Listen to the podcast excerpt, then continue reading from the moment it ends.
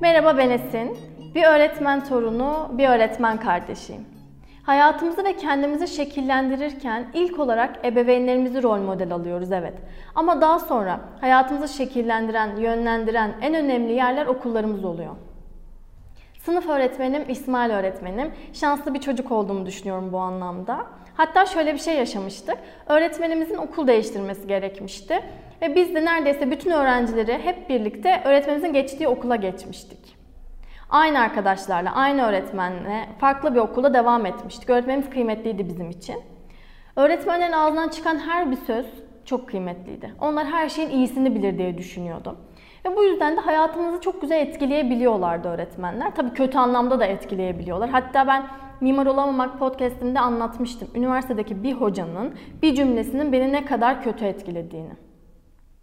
Evet öğretmenlik çok önemli bir meslek, hayata dokunan bir meslek ama asla bugünkü algılanan ve yansıtılan gibi değil. Siyasete kurban gitmiş, kapatılmış köy enstitülerinden, ilk kurulan Eskişehir Çifteler Köy Enstitüsü'nden mezun. Bu bilgiyi gurur duyduğum için veriyorum. Mezun dedemin zamanındaki öğretmenlik algısıyla ablamın dönemindeki öğretmenlik algısı arasında uçurumlar var. Öğretmen Cemal'e öğretmen olduğu için saygı duyulurmuş. Bir veli dedemle fotoğraf çektirmek istediği için, yani çocuğu dedemle fotoğraf çektirmek istediği için okula gelip dedemden izin istemiş. Bakkallarda veresiye defterine öğretmen ailelerin borçları yazılmazmış saygıdan. Öğretmen Ezgi'ye de yazları tatil, çocuğuna rahat bakabilir, keşke gelinim olsa diye bakılıyor. Yorgunluktan, mesleğinin zorluğundan bahsetmesin isteniyor. Gece vakti bir öğrencisi, hocam sınavı ikinci ders yapsanız da diye mesaj atabiliyor. Veliler online derste müdahale edebiliyor. Bu uzar gider. Zaten şimdiki öğretmenlerin bence en zorlandığı konu öğrencilerden daha çok velilerle uğraşmaları. Öğretmenlik birçok meslek gibi saygı duyulması gereken önemli bir meslek. Ama ben kutsal meslek demek istemiyorum. Çünkü kutsal diyerek yüceltildiğinde bu işi yapanların zarar gördüğü bir gerçek. Öğrencilerin derdi senin derdin olduğu zaman kutsal bir meslek. Düşük maaş verilmesine rağmen özveriyle yılmadan eğitmenlik yaptığın zaman kutsal bir meslek. Zorunlu hizmet yapıp istemediğin yerde yaşadığın zaman kutsal bir meslek. Ama okullar kapalıyken çalışmadığında ya da nispeten saatleri daha az olduğu için kebap meslek. Instagram'da bir yazı okumuştum. Çalışmak güzel olsaydı üstüne para vermezler de yazıyordu. Şaka bir yana, öğretmenlik mesleğinin ve diğer tüm mesleklerin artıları ve eksileri var.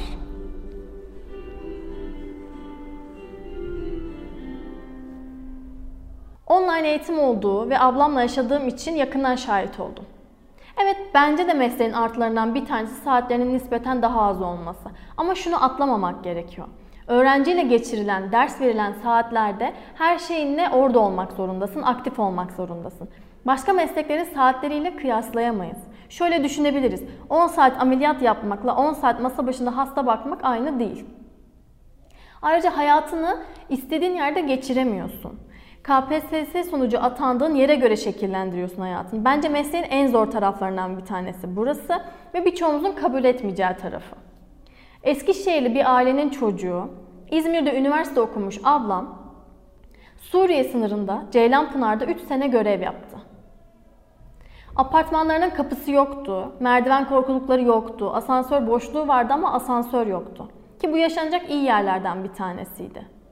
Alıştıkları yaşamdan çok uzaktalardı. Tek aktiviteleri A101 ve BİM gezmekti.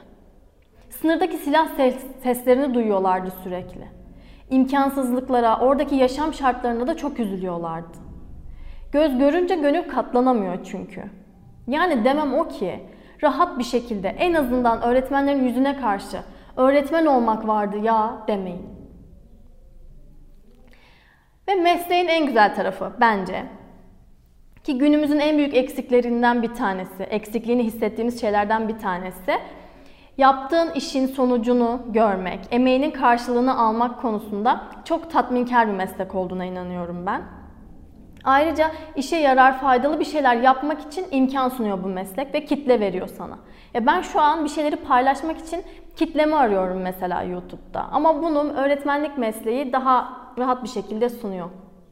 Bu söylediğim şeyler devlete atanabilmiş öğretmenler içinde. Öğretmenlik okuduktan ve KPSS'ye girdikten sonra eğer eş durumu yapamıyorsan yani bekarsan ya da kendi yaşamak istediğin yeri kendin seçmek istiyorsan ki en doğal hakkımız ya da KPSS'den yüksek not alamadıysan, alsan bile öğretmenlikte açık yoksa özel sektörde çalışıyorsun. Özel okul ya da dershane. Ve inanın hiç kolay değil. Bunu da ablamın 4 senelik bir dershane geçmişi olduğu için biliyorum. Dershaneler hayatının en önemli dönemi olduğuna inanan, sınav odaklı öğrencilerin toplandığı ve öğretmenlerden de e, hayatının en önemli dönemiymiş gibi yaşamasını bekleyen, birkaç e, ünlü hoca dışında düşük maaşlar verilen yerler. Daha iyi öğrenci kapma yarışı, daha iyi eğitim veriyoruz. Çocuklarınız her istediğinizde öğretmenleri bulabiliyor. Daha çok soru çözdürüyoruz vaatleri yüzünden öğretmenlerin köle gibi kullanıldığı yerler. Bu öğretmenlerden de saygın bir meslek diye aynı özveriyle, aynı bağlılıkla mesleğini yapmalarını bekleyemeyiz. Şimdiki öğretmenler şöyle kötü, şimdiki öğrenciler böyle kötü. Neden? 15 senede genlerimiz falan mı değişti? Kötü olan şey ne öğretmenler ne öğrenciler. Kötü olan şey eğitim sistemi. Bir müfredat var ve bir sınav var. Öğrenciler ve aileleri yarış içindeler. Hiçbir veli öğretmene gelip benim çocuğum iyi mi, ahlaklı mı, mutlu mu diye sormuyor. Netleri nasıl, özel ders aldıralım mı diye soruyorlar. Bunu yargılamıyorum çünkü sistem velileri buna yönlendiriyor. Sistem öğretmenlerden sınav odaklı bir öğretim vermelerini istiyor. Öğrencilerin de hayatının merkezine sınavı koyuyor. Bir de öğretmenlikle ilgili şöyle söylemler var. Bir de öğretmen olacak şuna bak. Evet, öğretmen bir birey yetiştiriyor ama özel hayatında ne hissettiği, ne yaşadığı kimseyi ilgilendirmez. Onu geçtim, bu ülkede 1 milyondan fazla öğretmen var. 1 milyon öğretmenin hepsi mesleği isteyerek seçmedi. Seçse bile severek yapmıyor. Ya sevse bile iyi yapamıyor.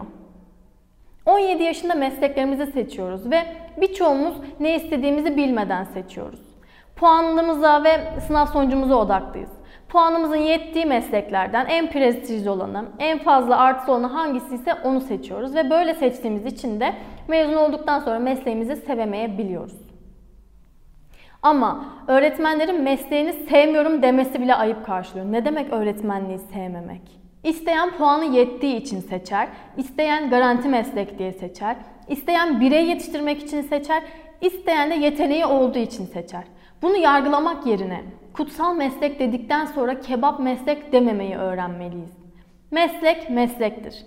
Bir mesleği hakkıyla, özveriyle yapmak için karşılığının verilmesi gerekir. Ülkeyi ileri götürecek. İnsanları bilgilendirmeyi amaç edinmiş köy enstitülerinin bile kapatıldığı bu ülkede faturayı öğretmenlere kesmeye bırakalım lütfen. Ve bu bölüm bu kadar olsun. Umarım diğer bölümde tekrar görüşürüz. Hoşçakalın.